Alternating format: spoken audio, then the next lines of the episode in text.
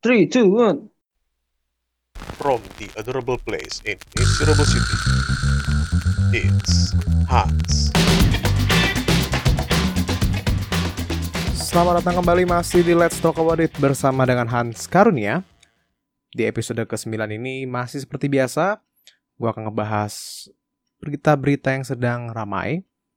Dan mari kita mulai dari berita yang pertama yaitu tentang ini beritanya di hari Minggu di tanggal 19 September 2021 ada info mengenai kasus positif virus corona yang diambil dari IDN Times. Dikatakan bahwa kasus positif itu bertambah 2.234 kasus. Dan dengan demikian bahwa total kasus positif virus corona di Indonesia itu menjadi 4.190.763 orang. Jadi kasusnya tuh meskipun memang sudah turun, tapi tetap harus lebih apa gue bilang ya lebih awas lah ya kalau misalnya jangan pergi keluar kalau misalnya emang tidak harus ya kecuali misalnya kayak lo harus beli kebutuhan di rumah gitu ya kayak gue kemarin. Kemarin gue nyobain untuk pergi ke mall untuk belanja bulanan dan gue rasa udah cukup bagus sekarang ya. Kita kan kalau mau masuk ke mall tuh harus masuk menggunakan aplikasi aplikasi peduli lindungi terus kita nanti harus scan barcode terus daftar gitu dan kita menyatakan bahwa kita akan masuk gitu ya. Ya walaupun memang kita nanti akan di tracking perjalanan kita selama di mall itu tapi paling enggak ya ada ada minus ya. Tapi intinya adalah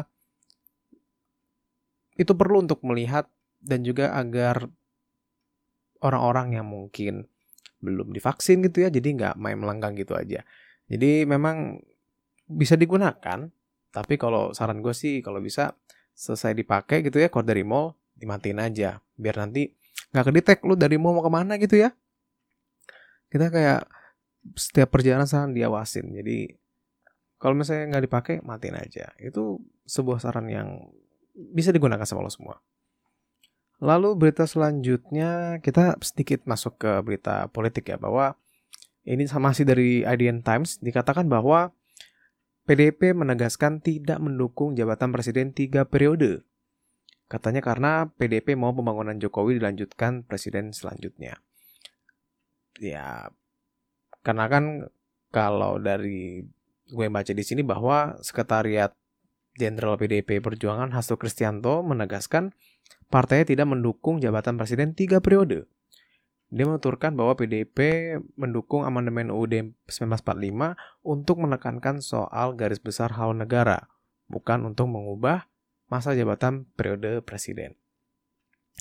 Gue percaya dengan statement ini karena kalau misalnya PDIP setuju dengan tiga periode presiden, yaitu Jokowi akan kembali menjabat gitu ya satu periode ke depan, kan nggak mungkin di mana-mana ada baliho kepak sayap kebinekaan kan jadi masuk gitu ya. Jadi karena kan tadi dibilang juga bahwa mereka ingin uh, ke apa namanya pembangunan Jokowi itu dilanjutkan presiden berikutnya. Yang ngarepnya sih yang dapat tagline kepak sayap kebinekaan dong. Kan udah namanya keren banget kan kepak sayap kebinekaan. Wah kalau misalnya sampai kalah ya berarti paling nggak namanya itu akan selalu diingat. Gitu ya Lalu berita yang selanjutnya adalah tadi uh, oh ya, berita tentang kasus anggota DPR yang gajinya sempat diekspos sama salah satu anggota legislatif ya, yaitu Krisdayanti yang ternyata akhirnya mendapat panggilan dari fraksi PDIP. Dikarenakan kasus ini membuat banyak kehebohan. Apalagi dijelaskan bahwa jumlah dana kampanye segini segala macam. Gue juga di sini melihat bahwa kenapa ya kok kayak eh, nggak uh, nggak mau di, dijelaskan gitu malah saat ada orang yang ngejelasin malah dianggap membuat kegaduhan. Mungkin kegaduhan tuh muncul karena ya anggota DPR-nya nggak mau terbuka dengan jumlah gajinya gitu. Jadi ya yang salah sebenarnya bukan yang menyebarkan sekarang ini tapi justru yang nggak nyebarin gitu. Ya jadi intinya adalah berita di minggu ini seperti itu ya. Karena minggu ini berita tuh nggak gitu banyak. Dan gue mau ngasih pengumuman sedikit bahwa uh, Let's Talk About It akan mengalami sedikit uh, apa gue bilang ya schedule, apa perubahan schedule kali ya.